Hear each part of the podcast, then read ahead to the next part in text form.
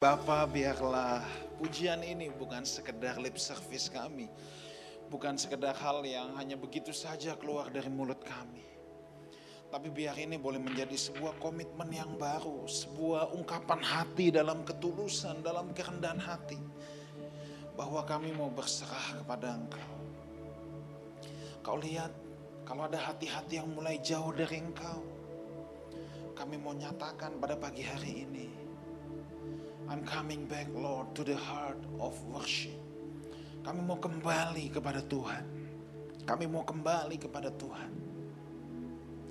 Hamba berdoa memohonkan belas kasihan anugerah Tuhan atas setiap kami. Itu sebabnya pada pagi hari ini kami mau mendengar apa yang menjadi isi hati Bapa ditumpahkan di tengah-tengah kami. Pakai hambamu Pastor Benny yang akan menyampaikan kebenaran firman-Mu. Dan hamba berdoa kiranya kami semua boleh mendengarkan dengan hati yang terbuka, dengan kerendahan hati, dengan sikap hati yang mau dididik, dan menyediakan tanah hati kami seperti tanah hati yang subur, supaya benih kebenaran firman Tuhan boleh berbuah lebat dalam hidup kami. Terima kasih Bapak, terima kasih.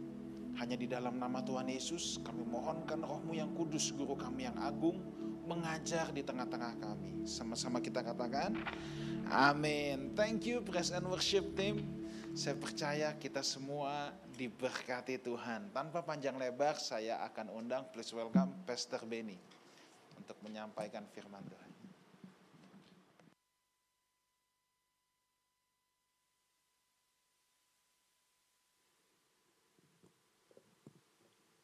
Shalom, selamat pagi Bapak Ibu. Yang barusan WL itu istri saya Bapak Ibu. Dan saya jadi pengkhotbah, udah kayak perusahaan keluarga ini ya.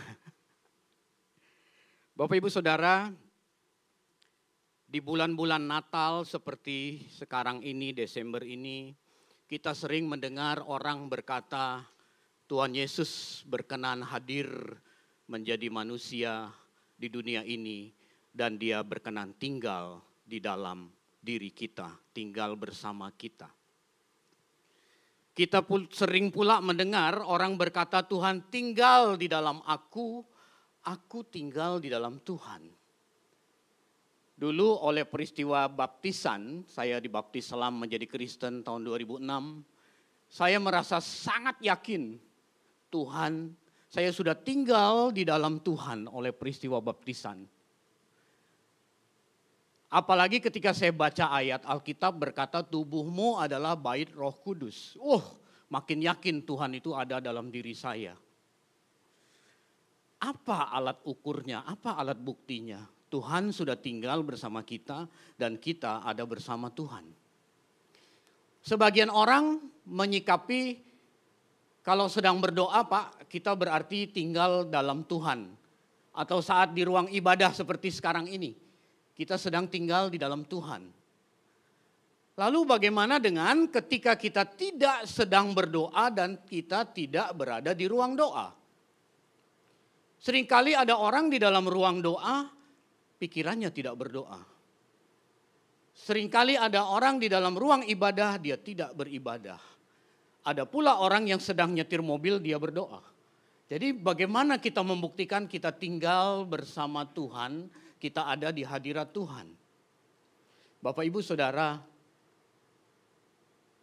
seharusnya kita mengatakan diri kita tinggal di dalam Tuhan itu harus tampak dalam perkataan dan perbuatan kita di mana pun kita berada.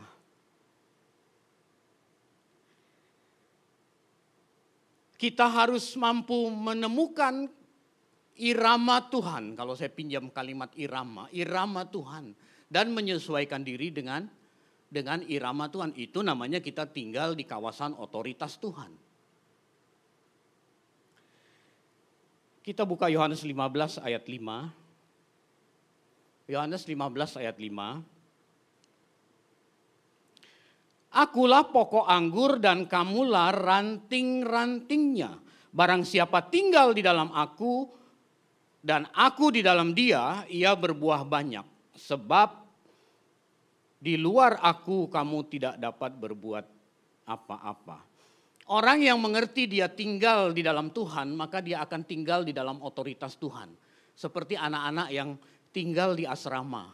Dia ada di bawah otoritas kepala asrama. Dia harus tunduk kepada aturan-aturan asrama.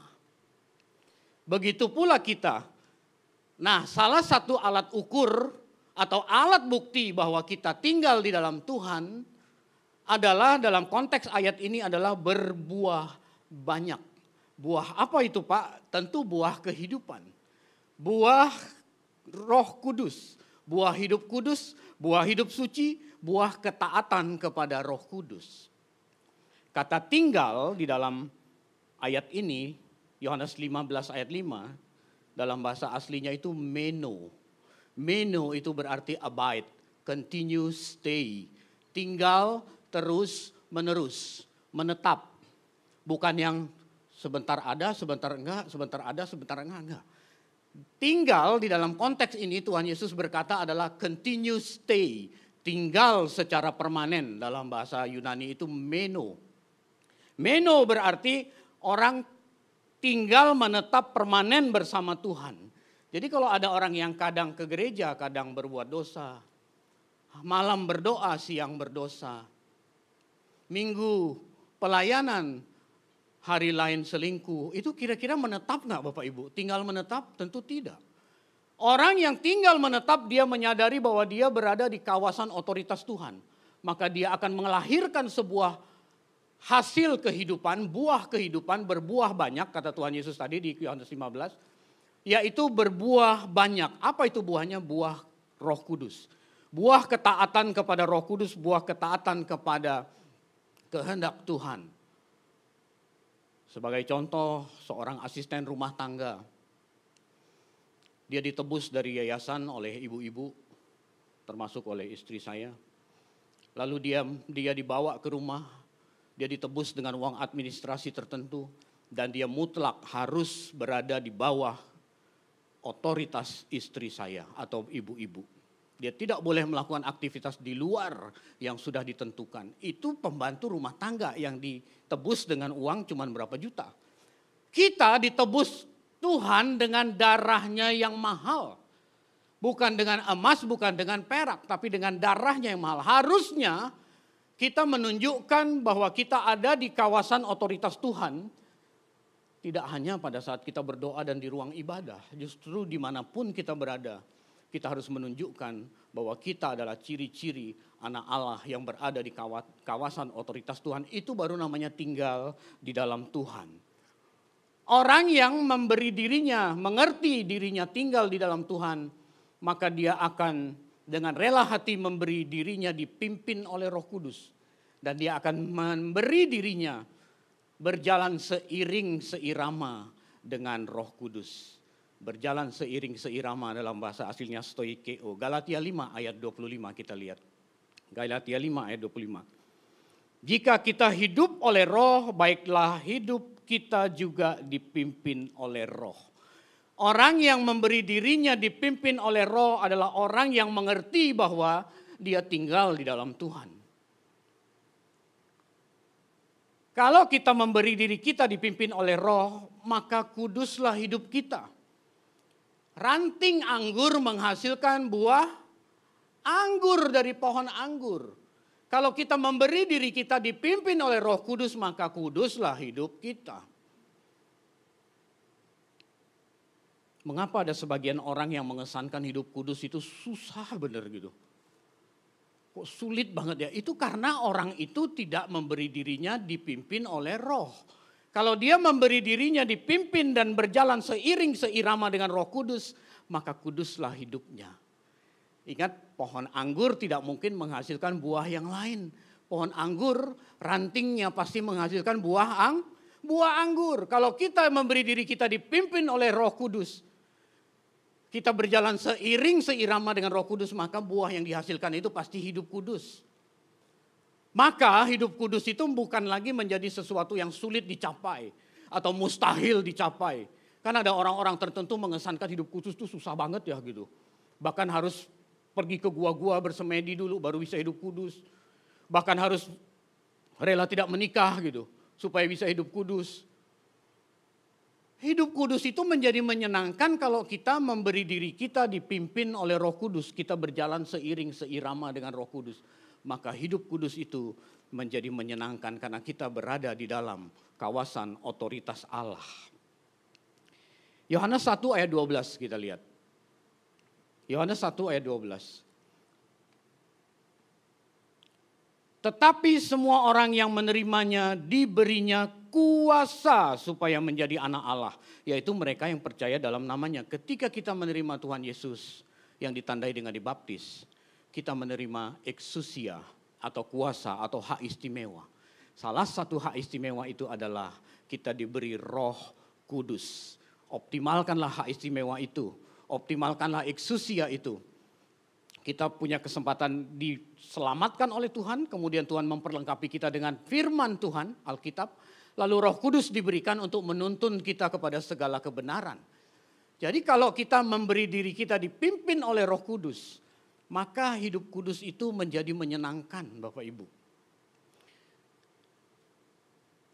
Kita punya hak istimewa loh, yaitu Roh Kudus. Optimalkanlah fungsi Roh Kudus itu. Apa fungsi Roh Kudus? Menuntun kita kepada segala kebenaran. Apa tugas kita? Berjalan seiring seirama setiap hari, setiap detik. Kalau ini terjadi, maka hidup kudus bukan menjadi barang yang sangat mahal, atau barang yang sangat langka, atau barang yang tidak bisa disentuh. Hidup kudus menjadi suatu, kehidupan yang menyenangkan. Jangan mau ditelikung oleh pengajaran yang mengatakan hidup kudus itu susah. Hidup kudus bukan gampang, tetapi hidup kudus ketika kita meresponi kita mengoptimalkan hak istimewa yang Tuhan berikan kepada kita, maka hidup ini terasa menyenangkan. Boleh tepuk tangan untuk kebenaran ini Bapak Ibu. Kembali ke Yohanes 15 ayat 5. Di kalimat terakhirnya, sebab di luar aku, kata Tuhan Yesus, kamu tidak dapat berbuat apa-apa. Mungkin Anda berpikir, Pak bisa tuh Pak orang fasik Pak. Mereka kaya raya, keluarganya juga baik, rumah tangganya harmonis, tidak ada kesulitan ekonomi, tidak ada kesulitan kehidupan, ada tuh Pak. Orang yang di luar Tuhan bisa, dalam konteks ini Tuhan Yesus berkata orang yang di luar dia, di luar dari pokok anggur yang menghasilkan anggur, yang taat kepada pimpinan roh kudus. Orang fasik itu orang yang tidak mengenal Allah, itu orang fasik eksternal, ada orang fasik internal. Orang fasik internal itu orang yang beragama Kristen tetapi tidak memberi diri dipimpin oleh Roh Kudus, itu orang fasik internal. Dalam konteks ini Tuhan Yesus bermaksud adalah tidak dapat berbuat apa-apa, tidak dapat melakukan pekerjaan Tuhan yang kudus. Pokok anggur menghasilkan anggur, tidak menghasilkan buah yang lain. Jadi kalau pekerjaan Tuhan yang kudus, tentu menghasilkan kehidupan yang kudus. Jadi di luar aku, di luar pokok anggur tidak ada buah anggur yang bisa dihasilkan. Di luar Tuhan Yesus, di luar kawasan otoritas Tuhan Yesus, kita tidak bisa berbuat apa-apa. Maksudnya tidak bisa berbuat melakukan pekerjaan Tuhan yang kudus, pekerjaan Tuhan yang berkenan kepada kepada Tuhan tentunya. Bapak Ibu Saudara, hidup tinggal di dalam Tuhan Yesus itu pilihan. Bukan karena baptisan lalu otomatis kita tinggal di dalam Tuhan. Kalau merasa boleh, tetapi hidup tinggal di dalam Tuhan itu merupakan pilihan. Tidak otomatis terjadi.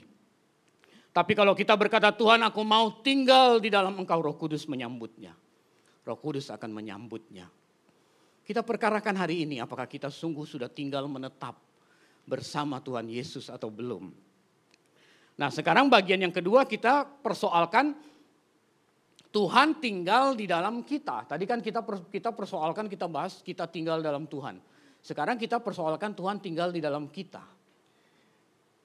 Yakin Tuhan sudah tinggal di dalam kita, Bapak Ibu? Dulu saya yakin banget. Apalagi tadi tuh yang saya bilang di awal ketika saya baca ayat tubuhmu bait Roh Kudus. Ah, bait Roh Kudus berarti Tuhan tinggal dalam aku. Tapi buat dosa buat dosa aja tuh gitu. Bagaimana Tuhan tinggal menetap? Bapak Ibu kita buka Lukas 19 ayat 5, 6 dan 7, tiga ayat. Lukas 19 ayat 5, 6 dan 7. Ini tentang Sakeus. Ketika Yesus sampai ke tempat itu, ia melihat ke atas dan berkata, Sakeus segeralah turun, sebab hari ini aku harus menumpang di rumahmu. Ketemu kata menumpang ya. Ayat 6, lalu Sakyus segera turun dan menerima Yesus dengan sukacita. Tetapi semua orang yang melihat hal itu bersungut-sungut katanya, ia menumpang di rumah orang berdosa. Ketemu kata menumpang lagi dua. Dalam Alkitab bahasa Indonesia khususnya di ayat 5, Sebab hari ini aku harus menumpang di rumahmu. Sebenarnya kata menumpang itu dalam teks aslinya sama saja dengan kata tinggal di Yohanes 15 ayat 5. Yaitu meno, tinggal menetap terus menerus secara permanen. Sakius segeralah turun sebab aku ha harus menetap secara permanen dalam kehidupanmu. Kira-kira begitu Bapak Ibu. Lalu orang banyak, orang banyak itu ada ahli Taurat, ahli agama, penduduk kota Yeriko yang menyambut kedatangan Tuhan Yesus marah. Sebab Sakius itu dianggap orang pendosa. Sakius adalah orang Yahudi yang bekerja kepada asing, kepada penjajah Romawi, menjadi kepala pemungut cukai memerasi rakyatnya sendiri. Jadi Sakius itu tidak bergaul atau rakyat eh, penduduk kota Yeriko tidak bergaul dengan Sakius karena Sakius digolongkan sebagai orang berdosa. Boro-boro boro-boro masuk rumah ibadah Bapak Ibu, bergaul saja dia tidak. Karena dia digolongkan sebagai orang berdosa. Itulah sebabnya orang banyak yang melihat apa yang Tuhan Yesus lakukan marah. Masa dia menumpang di rumah orang berdosa gitu. Ini kan rabi, rabi itu tidak bergaul dengan orang berdosa. Masa dia menumpang? Nah kata kedua menumpang itu bukan meno. Tetapi digunakan kata RC komai kata luo. RC komai itu artinya masuk ke dalam, kata luo artinya to be a guest. Masuk menjadi tamu. Bertamu artinya apa? Tidak permanen. Masa dia jadi tamu, masa dia tidak tidak permanen saja orang protes. Apalagi orang tahu maksud Tuhan mau permanen. Pasti protes. Bapak Ibu dari narasi ini kita mendapatkan pesan, kita mendapatkan informasi bahwa Tuhan tinggal dalam hati manusia itu ternyata ada dua level. Pertama dia tinggal menetap selama-lamanya permanen atau meno. Yang kedua RC komai kata luo artinya sekedar bertamu atau tidak menetap. Pertanyaan saya, apakah selama ini Tuhan sudah tinggal menetap atau meno atau permanen dalam kehidupan kita Bapak Ibu? Pak saya udah Kristen sejak tahun sekian. Saya udah dibaptis selam, saya udah jadi pengkhotbah. Tapi pertanyaan saya siang ini, apakah Tuhan Yesus sudah permanen, meno, abide, continue stay dalam kehidupan kita? Atau Tuhan Yesus cuman bertamu, dia merasa asing terhadap diri kita. Karena dia tidak menemukan kesamaan dengan dirinya. Sehingga dia hanya berkenan bertamu. RC Komai kata Luo. Bertamu masuk sekali nanti pergi lagi. Nanti Anda doa, Anda undang dia datang, dia datang lagi anda berbuat dosa, dia pergi lagi. Tentu kita mau Tuhan Yesus permanen tinggal dalam diri kita selama-lamanya. Itulah sebabnya kita harus meneladani sosok yang satu ini, Sakius. Sakius itu berusaha mati-matian mau kenal Tuhan loh. Dia punya dua halangan. Ada halangan eksternal dan halangan internal. Nanti kalau baca di ayat di atasnya. Halangan secara internal badannya pendek halangan eksternal, orang sudah berkerumun di pinggir jalan, dia udah tidak dapat tempat di depan. Walaupun dia pejabat negara, dia tidak ada keistimewaan karena orang tidak bergaul dengan dia. Ingat, bangsa Israel itu bangsa yang teokrasi, berdasarkan ketuhanan. Jadi walaupun dia pejabat, tetapi dia dianggap pendosa. Orang tidak memberi dia kesempatan untuk menembus orang banyak ke depan. Dia punya dua halangan. Tapi apa yang dilakukan Sakius? Dia mengidentifikasi kelemahannya, dia mengidentifikasi kekurangannya, lalu dia mengambil tindakan. Dia action, dia mengambil tindakan untuk menutupi kelemahan dan kekurangannya itu. Apa yang dia lakukan? Dia lari. Dia lari sekencang-kencangnya mendahului banyak orang. Dan dia yakin Tuhan Yesus akan lewat di situ. Tidak ada penjelasan berapa kilometer dia lari. Lalu dia manjat pohon. Lihat apa yang dilakukan Sakius. Ketika dia menutupi kekurangannya, kelemahannya. Kita boleh banyak kelemahan, banyak kekurangan, banyak halangan dalam mengenal Tuhan. Tetapi ketika kita mengambil sebuah action, maka Tuhan akan menghargai itu luar biasa. Tuhan berkenan tinggal menetap dalam hati Sakius. Ini luar biasa Bapak Ibu. Sebelum masuk kota Yeriko, Tuhan itu menyembuhkan dua orang buta di pintu gerbang kota Yeriko itu. Logikanya kalau orang disembuhkan pasti dia ngikutin Tuhan dan pasti dia mempersilahkan Tuhan makan di rumahnya. Diundang Pak Pendeta habis KKR, anaknya habis sembuh gitu. Diundang makan di rumahnya. Tapi Tuhan tidak tertarik tuh meno ke rumah orang itu. Tuhan tidak tertarik kepada orang banyak yang menyambut dia. Ahli agama, ahli Taurat, orang Farisi, penduduk kota Yeriko. Tapi Tuhan tertarik kepada seorang Sakius. Sakius turun Aku mau meno dalam kehidupanmu. Aku mau menetap. Jadi apa pun halangan kita mengenal Tuhan. Ah, Anda kecewa sama pendeta. Anda punya banyak halangan. Tetap cari Tuhan Bapak Ibu. Tetap cari Tuhan. Tuhan akan menghargai dan Tuhan berkenan tinggal menetap dalam kehidupan kita. Setelah Tuhan tinggal menetap, bagian kita adalah kita menyadari bahwa kita ada di kawasan otoritas Tuhan. Kita memberi diri kita berjalan seiring seirama dengan Roh Kudus. Bapak, ibu, saudara, apakah selama ini kita sungguh-sungguh sudah mencari Tuhan atau belum? Atau kita hanya ikut-ikutan teman, ikut-ikutan pasangan hidup, pasangan ke gereja kita ikut, teman berkomunitas kita ikut. Pada kesempatan yang baik ini, saya mengajak kita memeriksa diri kita masing-masing. Aku Kristen ini benar-benar ikut Kristus atau bukan ya? Kristus itu sudah tinggal menetap belum dalam kehidupan dalam kehidupanku. Oh saya sudah Kristen pak, udah lama dibaptis bahkan waktu berapa tahun yang lalu ke ke Israel dibaptis lagi di Sungai Yordan. Ya, Anda mau dibaptis sama tujuh pendeta juga. Yang paling penting masalahnya Tuhan tinggal menetap atau tidak dalam hati kita. Ini pun saya perkarakan dalam diri saya. Sebab perkataan saya, perbuatan saya belum sepenuhnya menunjukkan Tuhan ada bersama saya kadang-kadang Bapak Ibu bahkan mungkin banyak. Itulah sebabnya kita membutuhkan sebuah komunitas yang sehat. Supaya komunitas itu dapat saling mengingatkan, komunitas itu bisa saling mengoreksi. Sehingga kita punya kebersamaan, kita punya gen yang sama, yaitu gennya Tuhan Yesus. Bapak, Ibu, Saudara. Orang bertamu dengan tinggal menetap itu dua hal yang berbeda loh. Bertamu itu, kita bertamu ke rumah orang itu merasa asing loh. Betul? Tapi kalau kita tinggal menetap, kalau Tuhan tinggal menetap, dia tidak asing dalam kehidupan kita. Dia pasti betah. Nah masalahnya Tuhan Yesus betah belum dalam kehidupan kita. Oh pak betah pak kalau lagi berdoa, iya lagi berdoa. Kadang-kadang orang lagi berdoa pun bisa pikirannya ke mana-mana. Ruang doa pun bisa salah dimanfaatkan. Bapak ibu saudara, Walaupun banyak halangan, walaupun banyak rintangan, tetap cari Tuhan. Lihat Sakius. Dia melakukan sebuah action yang menarik perhatian Tuhan. Usaha yang sungguh-sungguh dan serius dalam mencari Tuhan dan mengenal Tuhan. Pasti disambut Tuhan dan dihargai oleh Tuhan. Lalu kita memberi diri kita dipimpin oleh roh kudus. Walaupun banyak kesulitan, walaupun banyak halangan, Walaupun Anda kecewa dengan pemimpin agama, pandanglah Tuhan Yesus. Lakukanlah sebuah tindakan nyata supaya Tuhan Yesus berkenan menetap dalam kehidupan kita.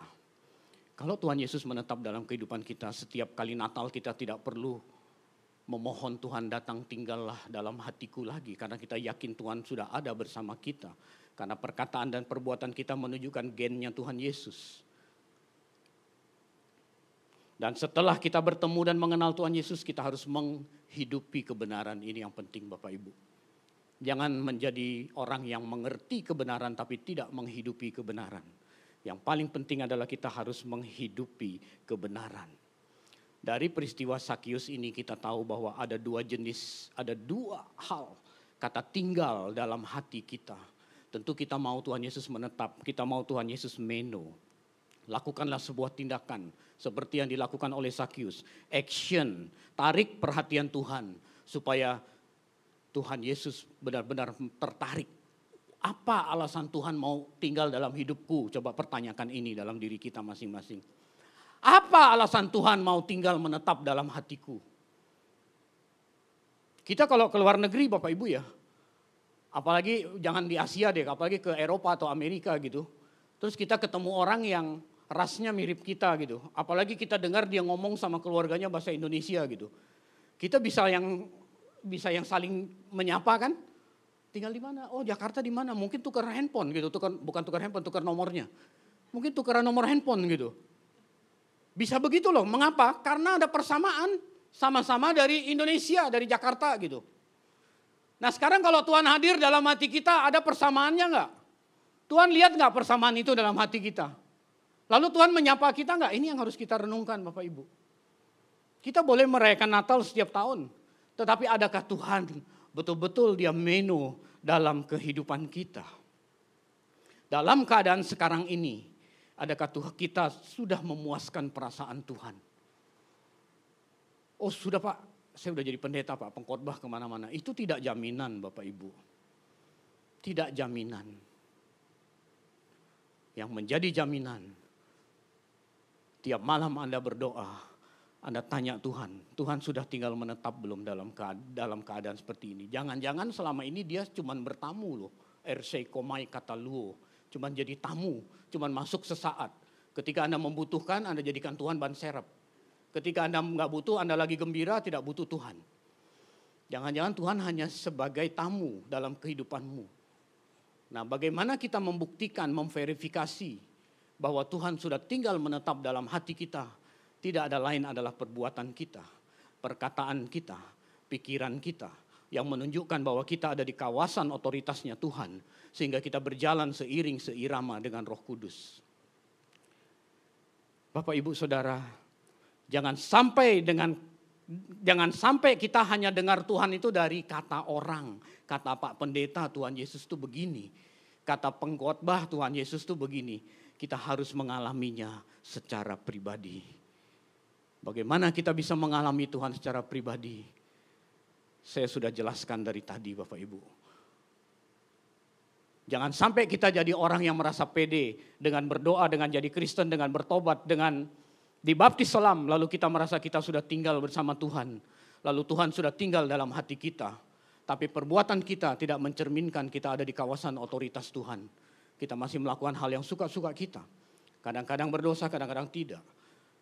Kalau kadang-kadang berdosa, orang bisa jatuh dalam dosa. Tapi kalau kadang-kadang berdosa, kadang-kadang jadi sering berdosa. Berdosa terus, akhirnya hidup dalam dosa. Ini dua hal yang berbeda. Orang yang berdosa, ketika dia menyesali perbuatannya, ketika dia datang kepada Tuhan mohon ampun, maka harus terjadi dua hal. Yang pertama, dia sungguh-sungguh menyesali perbuatannya. Yang kedua, dia berjanji tidak akan mengulangi perbuatannya lagi. Jangan jadikan Tuhan kayak tukang laundry, udah kotor dicuci bersih, nanti kotor lagi cuci lagi. Orang yang menyadari dia berdosa, maka pertama dia sungguh-sungguh menyesali perbuatannya. Yang kedua, dia berjanji kepada Tuhan untuk tidak mengulanginya lagi. Bapak Ibu jangan hanya dengar kata orang seperti apa Tuhan Yesus, Anda harus mengalami masing-masing. Anda harus mengalami, Anda harus identifikasi kelemahanmu, kekuranganmu dalam pengenalan akan Tuhan apa Pasti kita punya kelemahan seperti Sakius. Mungkin Sakius tubuh fisiknya dan orang banyak. Kita hal yang lain, Pak. Bangun pagi susah amat, Pak gitu. Mau doa malam jam 9 susah amat ya di komunitas ini gitu. Nanti tiba-tiba udah lewat gitu. Set udah 9.30 udah kelewat. Gara-gara film Netflix, film Korea dan lain sebagainya gitu. Identifikasi kekuranganmu apa. Lalu atasi, action, ambil tindakan. Tuhan pasti menghargai itu. Kalau ini kita jalankan, Alkitab memberikan jaminan Tuhan tinggal menetap bersama kita selama-lamanya. Amin. Untuk kebenaran firman Tuhan. Mari kita tundukkan kepala, kita berdoa. Bapak kami berterima kasih untuk firman ini. Kiranya engkau memateraikan firman ini dalam loh hati kami. Sehingga firman ini sungguh-sungguh menjadi milik kami dan terperagakan dalam kehidupan kami. Terima kasih Bapak. Dalam nama Tuhan Yesus kami berdoa. Amin.